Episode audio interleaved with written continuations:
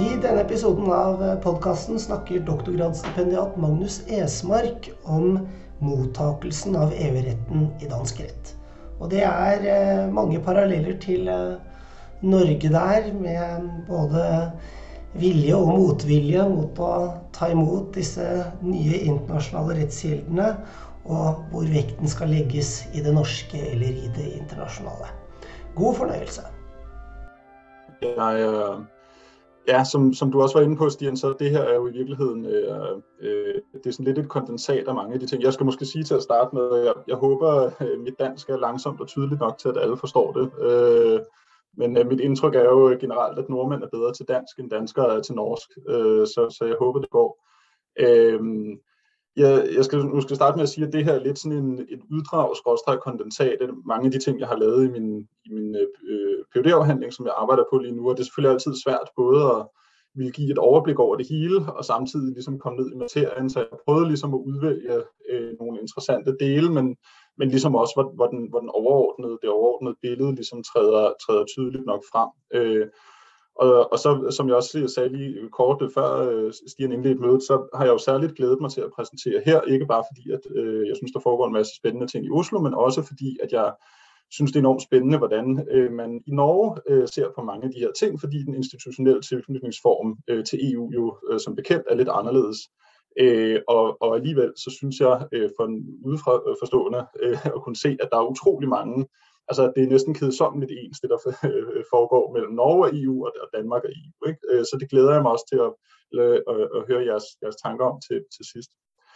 Men for lige at starte med, uh, ligesom, hvad er ligesom rammen for projektet, og, hvad, og uh, hvad, skal man sige, hvad er det for nogle ting, jeg gerne vil komme ind på i løbet af,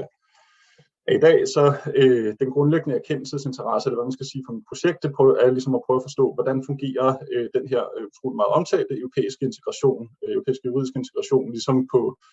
øh, hvordan fungerer den rent praktisk, og det handler selvfølgelig om at studere, øh, hvad er det for nogle øh, sociale dynamikker, øh, der, øh, der ligesom styrer øh, den måde, EU-retten bliver modtaget øh, i nationale sammenhænge. En ting er ligesom, hvad der foregår i Bruxelles og i Luxembourg, noget andet er, hvad der foregår øh, i hver enkelt medlemsstat. Øh, og så handler det selvfølgelig om at forstå, hvordan et juridisk sprog og en juridisk måde at tænke på, der bliver produceret i en sammenhæng, øh, ligesom øh, når den bliver sat ned i en ny øh, social sammenhæng øh, nationalt, hvad, hvad sker der så? Og det vil jeg gøre ved at komme ind på nogle få overordnede øh, punkter. Dels så vil jeg starte med ligesom at oprise den teoretiske ramme øh, og, og, og den konstruktion, jeg har kaldt et dansk-europæisk juridisk felt, øh, så vil jeg præsentere øh, et, et overblik over øh, den, de mekanismer, der sker i omkring Danmarks optagelse i 70- og 80-tallet, øh, og hvordan EF-retten ligesom bliver konstrueret som retsform i Danmark, og jeg vil illustrere det med et øh, konkret eksempel, øh, der handler om en, jeg ved ikke, hvor kendt den er uden for Danmark, men i Danmark er det i hvert fald en meget kendt sag, der handler om Vestbroen over Storebælt, øh, og så vil jeg slutte af med nogle øh, til sidst og, og pege lidt på, at det øh, er endnu mere work in progress end resten af projektet her, men, men, øh, men øh, nogle ting om nogle udviklinger, der sker i Danmark fra 90-tallet og frem efter, øh, og, og hvordan vi kan se på nogle sociale strukturer, der også øh, ændrer den måde, i fra den bliver konstrueret i Danmark. Og så til sidst så der er nogle ting, som også lidt er ment som et forsøg på at lægge op til en debat, der måske kan pege på, hvad er det for nogle ting i det her, der kan være relevant både i, i en dansk og en norsk kontekst. Øhm, skal vi se. Sådan der. Øh, og de grundlæggende præmier for projektet, det er ligesom, at øh, inden for de sidste 10-15 år, der er en række forskningsprojekter rundt omkring i Europa, særligt i Frankrig, som har fokuseret på at øh, studere ikke EU-retten i dogmatisk forstand, men at studere øh, EU-rettens øh, genese, dens historie, øh, og ligesom konstruere det, man øh, i bred forstand øh, har kaldt et europæisk juridisk felt, altså et separat øh, socialt rum øh, med sin egne netværk, institutioner, karriereveje øh, osv., hvor en række aktører øh, handler i, ja, i sådan et specifikt transnationalt felt, hvor ideen om, hvad der er, er EU-ret, hvad der er europæisk, bliver konstrueret. Og, øh, og spørgsmålet er så, og, og, og det er typisk den opfattelse af EU-ret, man vil kunne læse, hvis man, hvis man læser Common Market Law Review eller øh, nogle af de der andre sådan store europæiske tidsskrifter, hvis man dukker op til FIDE-konferencer osv. Spørgsmålet er, når, øh, når ideen om, hvad EU-ret er, bliver produceret i den her specifikke transnationale kontekst, hvad sker der så, øh, når den skal anvendes i en national kontekst. Øh, og der er det, synes jeg, desværre ofte sådan, at i hvert fald meget forskning i EU øh, og europæisk integration lidt antager den europæiske integration, og når man så kan se i en eller anden national kontekst, at nationale domstole ikke følger EU-domstolen, eller at administrative myndigheder øh, fejlimplementerer eller øh, såkaldt fejlanvender EU-direktiver, så ser man det som øh, en anomali, eller man ser det som, at så må det være, fordi de har noget imod EU-retten, det må være, fordi de øh, ikke synes, det er gode regler, det må være, fordi de ikke kan lide, at Bruxelles skal bestemme, men man har, tager ligesom hele tiden udgangspunkt i EU-retten, øh, som, som der, hvor integrationen starter. Og det jeg prøver med det her projekt og den her konstru- konstruktion med dansk europæisk juridisk felt, det er ligesom at vende, vende det på hovedet og sige, hvis vi skal studere europæisk integration, så bliver vi nødt til at starte med de nationale strukturer. Øh, og så kan vi derfra bevæge over til at forstå, hvordan de bliver påvirket af øh, øh, forskellige strukturer fra det europæiske niveau. Øh, og øh, det gør jeg ved øh, med udgangspunkt i sådan, øh, det, man kan kalde sådan refleksiv sociologisk øh, øh, begrebsapparat, øh, ved fra øh, særligt Pierre Bourdieu, øh, og, og konstruere et socialt rum, som øh, ligesom er struktureret af tre primære øh, differentiationsprincipper. Øh, og øh, først og fremmest så handler det om øh, at se, øh, ligesom man gør i de fleste sådan, feltstudier af den her karakter, man har en primær kapitalform, og kapital, det er altså til de, der ikke er øh, ligesom, øh, tæt bekendte med det her øh, teoriapparat, det er ligesom øh, forskellige former for øh, enten kropsliggjorte, objektiviserede eller institutionaliserede øh, symbolske markører, der gør det muligt at udtale sig autoritativt om et emne. Man kan også finde øh, litterær kapital på det litterære felt, eller øh, mange af jer har sikkert hørt om forskel mellem økonomisk og kulturel kapital i samfundsfagsundervisning på videregående. Og, øh, og, og på det juridiske felt, der gælder altså nogle, nogle specifikke, øh, så at sige, kriterier for at kunne udtale sig autoritativt om, om retten, og det er juridisk kapital. Og normalt så vil man bare sige, at på det juridiske felt kan man have meget eller lidt juridisk kapital, og så vil der være en opdeling mellem den autonome og den heteronome pol. Øh, og det betyder altså, at den autonome er, så at sige, øh, nørderne, for at sige det lidt firkantet, altså der, hvor øh, retten øh, som et, som et, øh, et aflukket øh, selvforsynende logisk system bliver dyrket øh, særligt akademisk, øh, hvorimod den heteronome pol er den del af feltet, der åbner sig op mod andre magtfelter, f.eks. det politiske felt og det økonomiske felt, og hvor det derfor, der derfor vil være større indflydelse fra andre logikker og andre måder at tænke på. Og så er en anden præmis, og så indfører jeg så i det her øh, sociale rum en ny type juridisk kapital. Det er altså en måde at konceptualisere den konflikt, der er mellem øh, dansk øh, og europæisk ret, øh, og indføre en ny type af juridisk kapital, som altså baserer sig på andre øh, kompetencer og andre måder, øh, den her kapital kan være institutionaliseret i, kendskab til andre retskilder, andre akademiske grader, erfaring med andre typer af sager øh, osv. osv. Og så handler det om at forstå EU-retten som en social position, snarere som et sæt af substantielle regler. EU-retten er ikke noget, vi kan printe ud og stille op på hylden, og så har vi alt EU-ret EU-retten er ligesom en, øh, på samme måde som national ret er øh, et værktøj til at løse sociale konflikter, altså konflikter, der som udgangspunkt ikke har noget med regler at gøre, kan man i tale sætte i et juridisk sprog og finde deres, deres opløsning i det.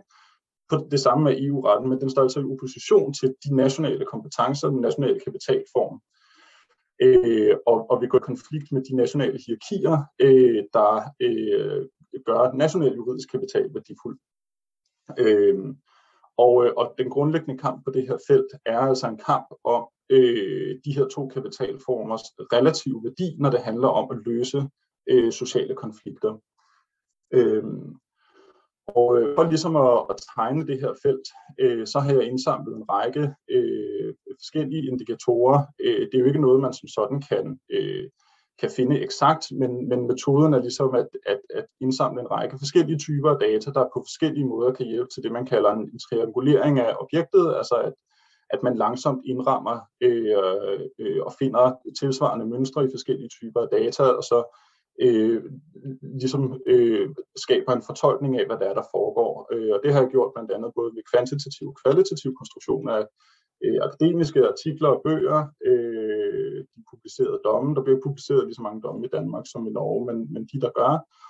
Øh, jeg har optegnelser over forskellige mennesker, der har deltaget i konferencer, netværk og professionelle foreninger, og hvad der er blevet sagt på de konferencer, øh, universitetets årbøger som andre eksempler. Og så har jeg foretaget en række semi-strukturerede interviews med forskellige relevante aktører. Øh, og, øh, og det har selvfølgelig alt sammen været præget af, at øh, det er foregået under en global pandemi, hvor mange arkiver har været lukket, øh, det er svært at foretage interviews øh, og øh, forskellige andre ting, og så øh, har det været præget af, at når man studerer en så relativt lang periode, så ramler man ind i det problem, at symboler skifter betydning over tid, og det er selvfølgelig også værd at tage højde for her, altså for eksempel en øh, juridisk doktorgrad i Danmark det betyder ikke det samme øh, i dag, som den gjorde øh, for 40 eller 50 år siden ligesom publikation og monografiers værdi relativt til det at publicere artikler i tidsskrifter også har ændret sig, og derfor er det svært at sammenligne en til en. Man er ligesom nødt til løbende at indfortolke og forstå dataen i den, øh, sådan tidslige kontekst. Men for at gå videre til ligesom at, det, den egentlige materie, nemlig at prøve at sige noget om, hvad er det, der foregår i Danmark, da Danmark bliver medlem af EF, og hvad er det for en måde, EF-retten bliver modtaget i Danmark, altså konkret konstrueret.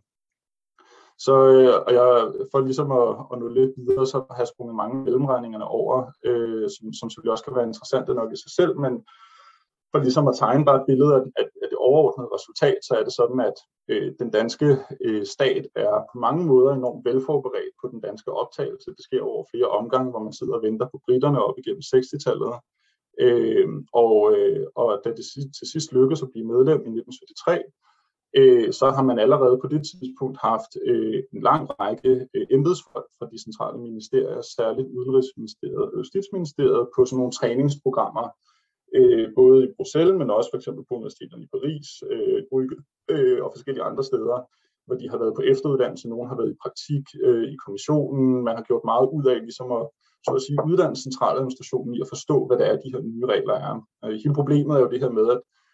da Danmark bliver optaget sammen med Irland og Storbritannien, der er det jo første gang, at der kommer nye medlemmer til EF. Det vil sige, alle de regler, der er kommet til, som for de oprindelige seks medlemsstater bare har været løbende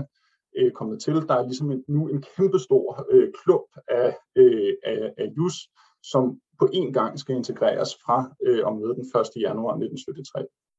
Og det har man altså forberedt sig ret grundigt på ved at, og, øh, og, og, og sende folk på efteruddannelse og forstå, hvordan det er, hvad er det for nogle retskilder osv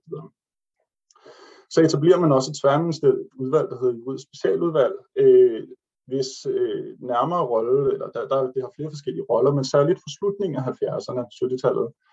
får det en speciel rolle, fordi det som følge af en, en lidt anden sag øh, får monopol på øh, at komme ind i alle de retssager, staten er en del af, hvor EF-ret bliver relevant. Øh, og der organiserer man det altså sådan, at øh, i straffesager og civile sager, der skal anklagemyndigheden, henholdsvis kammeradvokaten, hvis et spørgsmål om EF-ret og mulig henvisning øh, som præjudiciel reference til øh, EF-domstolen kommer op, så skal øh,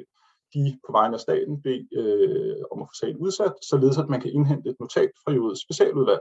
hvor juridisk specialudvalg så vil udtale sig om, øh, at det her øh, spørgsmål afklaret, eller er vi nødt til at henvise det til Luxembourg. Og, øh, og det samvirker med en anden situation, som er, at dommer i Danmark generelt ikke rigtig har noget som helst med EF-ret at gøre. Og det har de ikke, fordi øh, dommer, dommerstanden generelt, det ved vi også fra forskning i andre lande, reagerer langsommere på øh, en optagelse i EF eller EU. Og det handler selvfølgelig om, at øh, hvis ikke man har haft noget øh, EF-ret under sin uddannelse, det må man jo sjældent have haft med, hvis man er uddannet mange år før øh, øh, et land bliver medlem. Øh, og øh, så, så vil man være øh, mindre modtagelig over for at anvende EU-ret, og vi har blandt andet forskning i Polens optagelse fra, fra midt-nullerne, øh, som viser, at, at dommerne simpelthen bare øh, ikke anvender EU, EU-ret, blandt andet fordi det er for tidskrævende, øh, og de har ikke nogen praktisk viden om det.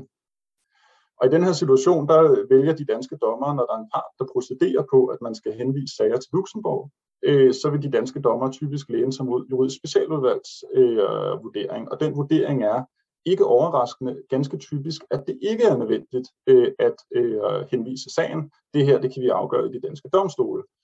Og en anden del af forklaringen på det, det er, at den, den danske dommerstand øh, generelt er meget, meget tæt til, knyttet til staten. Den typiske karrierevej for danske dommer, det er, at de starter et par år i Justitsministeriet, eller et andet ministerium, men typisk Justitsministeriet, og derfra kommer de ud og sidde som dommer. Det vil sige, at alle dommer, de har ud over deres jurauddannelse, så har de en efteruddannelse, så at sige, i Justitsministeriet. Og det gør, at den danske dommerstand generelt er meget orienteret mod centraladministrationer og lojale over for f.eks. ytringer for specialudvalg. Og det her det betyder altså, at hverken dommer eller advokater får specielt meget praktisk erfaring i at anvende EF-ret, Øh, og derfor så er kompetencerne inden for EF-ret øh, monopoliseret øh, i staten. Øh, det hænger også sammen med en anden mekanisme, som er, at øh, den danske stat generelt, når der opstår sager, så forsøger de øh, helt at undgå dem ved at indgå forlig med den enkelte part, typisk et gavnligt forlig for at få lukket den konkrete sag. Øh, så undgår man en præjudiciel forelæggelse øh, og får involveret Luxembourg den vej, og samtidig så skynder man sig at ændre øh, det underliggende retsproblem, som parten har klaget over, for på den måde at komme i forkøbet, at kommissionen skulle indlede traktatbrudsproceduren. På den måde så får man altså både lukket øh, Luxembourg og Bruxelles ude af den danske implementering af EF-retten og få så at sige monopoliseret EU-retten øh, øh, i centraladministrationen i staten. Ikke? Og det er selvfølgelig derfra, at det lidt platte øh, ordspil i titlen til oplægget kommer, øh, Le droit communautaire som moi, øh, altså over noget, som Louis den 14. hvis nok faktisk aldrig sagde, men som er blevet tillagt ham, øh, altså staten, det er mig. Nå, øh, resultatet det er, at i Danmark der bliver der skabt sådan en domesticeret EF-ret, har jeg kaldt det, øh, som er skabt i nationalstatens billede, som kun undtagelsesvis finder opposition, øh, dels fra dele af forskningsverdenen og fra advokatbranchen, og så nogle få øh, i centraladministrationen, som har arbejdet i Bruxelles eller, øh, eller i Luxembourg. Øh, og, øh, og med, det, med en domesticeret EF-ret, så mener jeg, at øh, det er en EF-ret, hvor man ganske vist anvender EF-retlige kilder, men man fortolker dem, som om de var nationalret. Det er ligesom den korte måde at sige det på.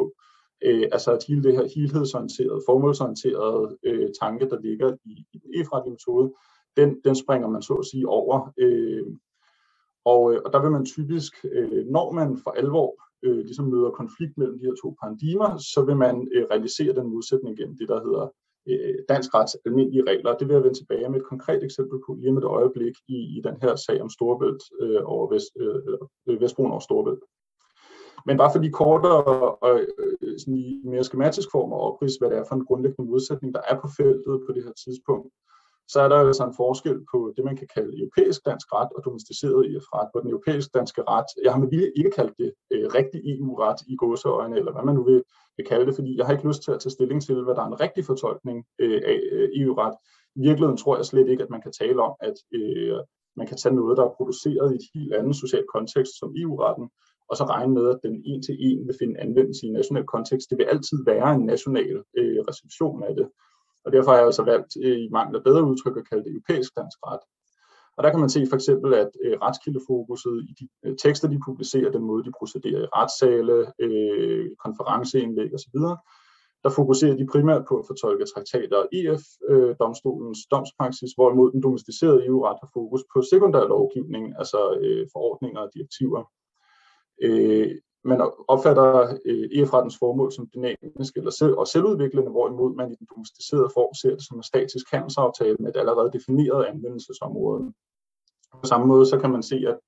øh, der er en opfattelse af EF-reglernes karakter som øh, eksekverbare, som hånd, håndhævbare regler, hvorimod de mere har karakter af politiske forpligtelser i den domesticerede øh, EF-ret, hvor man altså i højere grad opfatter EF-retten som en, en afart af, af, af offentlig international ret. Øh, de har det til fælles, øh, og det vil jeg komme tilbage til senere, de er meget fokuseret på konstitutionelle spørgsmål, øh, altså øh, på spørgsmål, der handler om, øh, øh, om, om grundlæggende egenskaber, relationen mellem traktaterne og nationale øh, grundlov, om præjudicielle referencer osv., men meget lidt på anvendt EU-ret i godsøjne. Øh, så er der en orientering i domesticeret EU-ret langt mere mod nordisk ret, som den internationale orientering, hvor den internationale orientering i europæisk ret i overraskende går mod øh, Luxembourg og Bruxelles.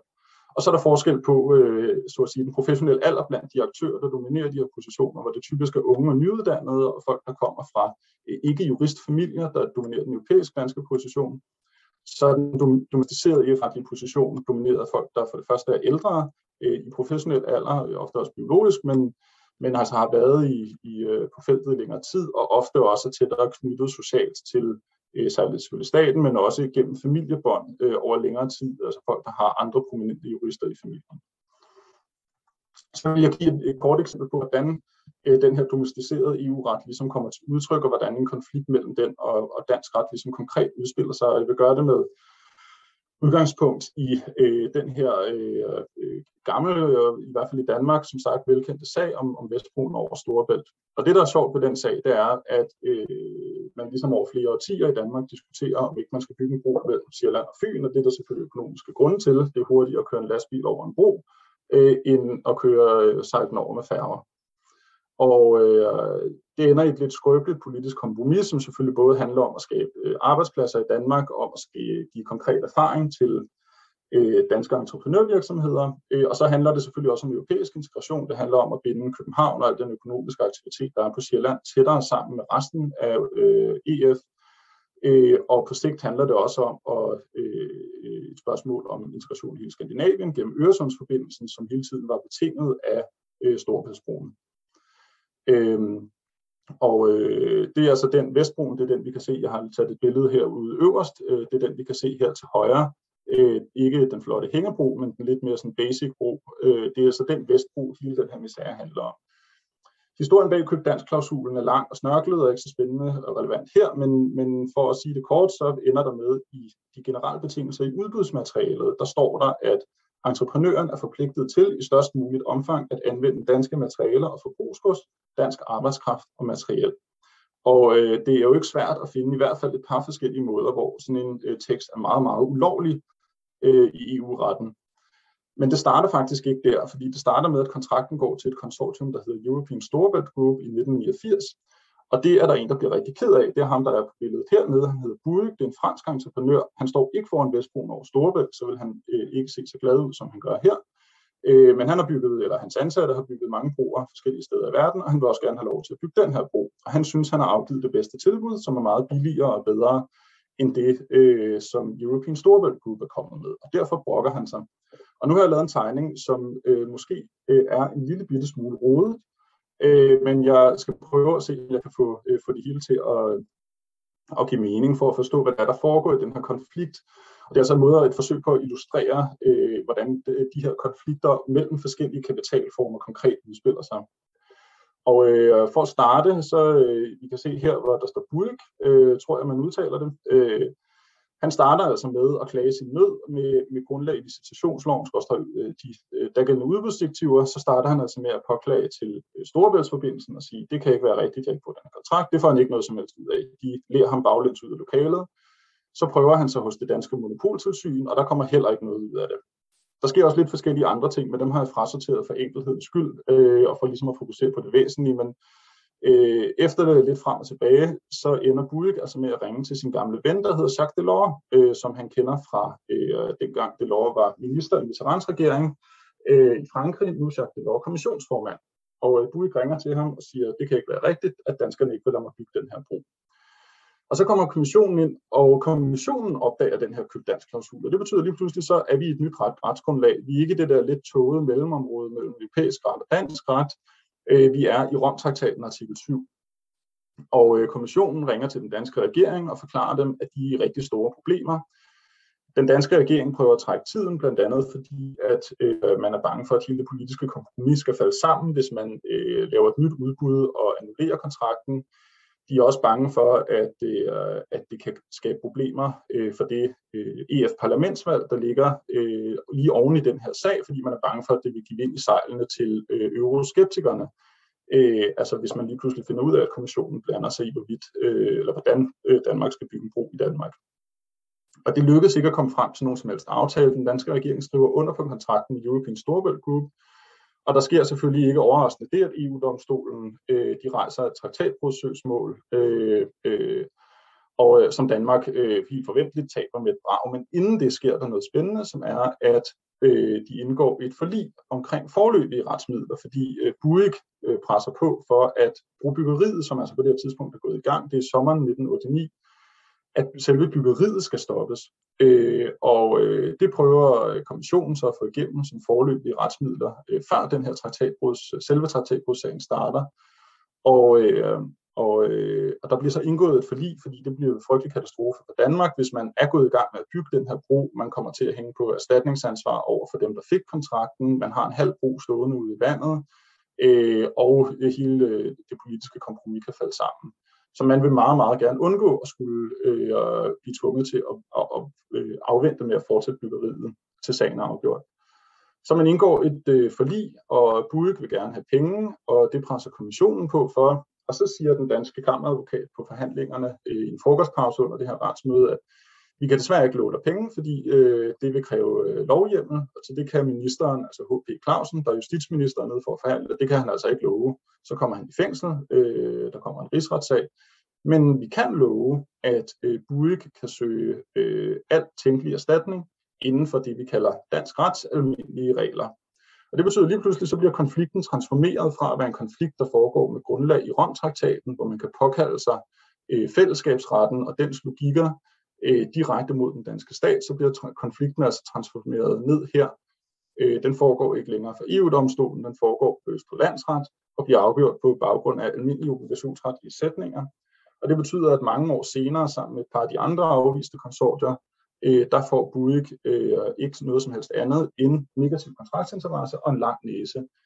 Øh, men vi kan altså se i den her sag, og det er derfor, jeg har valgt at fremhæve den, at der sker hele tiden en konflikt om, hvad er det for nogle øh, typer af retsmidler, man kan bruge til at afgøre en social konflikt. Buik starter slet ikke med EU-retten. Han er ikke specielt interesseret i EU-ret. Han vil bare have penge for at bygge bro. Det er kommissionen, der aktiverer det EU-retlige begrebsapparat og begynder at tale om Romtraktaten og ikke diskrimination. Og øh, så længe det foregår på den kampplads, så øh, at bliver den danske, hvad skal man sige, det danske begreb om, hvad EU-retten er, bliver udstillet som håbløst uddateret. Øh, og, øh, og, øh, og, og det er det, man øh, med et begreb, jeg ikke, desværre ikke fik introduceret ordentligt tidligere, kalder, kalder sådan en allodoxiansk øh, oplevelse, altså at, at, op, at den danske regerings øh, begreb om, hvilke hierarkier der gælder, øh, øh og hvilke symbolske hierarkier der gælder, bliver simpelthen øh, øh, annulleret og viser sig, at det gælder ikke indtil man kommer ned tilbage i Østerlandsret ind på Bredegade i København, øh, og kan afgøre sagen efter øh, en måde at tænke på, som man, som man kender, øh, og hvor Buik lige pludselig er på udebane. Øhm, nu kan jeg se, at tiden er ved at løbe lidt fremme, så jeg tror, jeg vil springe, øh, springe lidt frem til, øh, og så kan det være, at måske jeg kan sige noget andet om de andre ting til, til sidst, øh, der jeg vil også gerne have tid til noget diskussion, men øh, jeg vil bare sige øh, til sidst øh, her, øh, nogle af de spørgsmål, som både har været ledende for, øh, for mig i, i arbejdet med det her afhandling, og, og som også ligesom er opstået, og som er grunden til, at jeg også synes, det er frygtelig interessant at diskutere det her i, i en norsk kontekst, det er for det første så er det svært for mig ikke at tænke, at, at vi nogle gange tillægger måske lidt for stort øh, vægt på et lands institutionelle tilknytningsform, ikke? altså det her med medlemskab af EU eller US, øh, ja eller nej, øh, at man øh, ofte skal kigge på nogle lidt andre ting for at se, hvad er det, der faktisk gør, øh, i hvor høj grad EF-retten eller EU-retten nu øh, faktisk finder anvendelse. Øh, og så er det noget med at tale også om, hvordan eksisterende nationale strukturer er disponeret for at modtage EU-retten. Jeg talte for eksempel om, hvordan at den måde, den gennemsnitlige dommerkarriere udformer sig på i Danmark, gør, at dommere generelt ikke er disponeret for at anvende EU-ret, hvis de oplever, at det er i konflikt med deres loyalitet over for centraladministrationen. Øh, og derfor øh, kan man se, at det er ikke bare et spørgsmål om at studere sociale strukturer, men det er et spørgsmål om at øh, se præcis, hvordan er det i dogmatisk forstand, at en EU-regel bliver anvendt i Danmark, øh, når den bliver transformeret fra den transnationale kontekst ned i den nationale kontekst. Øh, og så kan man sige, at der er en grundlæggende spænding mellem nationale retsstatsmodeller, som fokuserer meget på stat og på lovhjemmet. Øh, det er ligesom de centrale begreber for, for retssikkerhedsforståelsen her, øh, hvordan kan de håndtere øh, ligesom at være under pres fra øh, en, et mere individ- og rettighedsfokuseret reguleringsparadigme som, som EU-retten. Øh, ja, og så vil jeg bare til sidst øh, gøre lidt øh, skamløs reklame for, at hvis man har lyst til at læse mere om øh, øh, nogle af de her ting, så har jeg en artikel i øh, øh tidsskrift, der hedder Praktiske Grunde. Det er sådan en meget sociologisk tidsskrift, så der er ikke så meget dogmatik. Det er mere med vægt på det. Øh, og så afleverer jeg resten også nogle af de ting, jeg desværre ikke noget at sige om nu, fordi jeg øh, ikke administrerer tiden, men øh, øh indleveret som phd afhandling her 30. juni øh, 2022. Øh, og så vil jeg sige tusind tak for opmærksomheden. Øh, ja, som sagt noget jeg ikke omkring alle de ting, men jeg tror, det er bedre, jeg gerne ville, men jeg tror, det er bedre at slutte nu, og så øh, nå at have lidt, øh, lidt tid til diskussion. Øh, og så øh, glæder jeg mig til at høre, hvad, hvad I tænker. Øh, ja.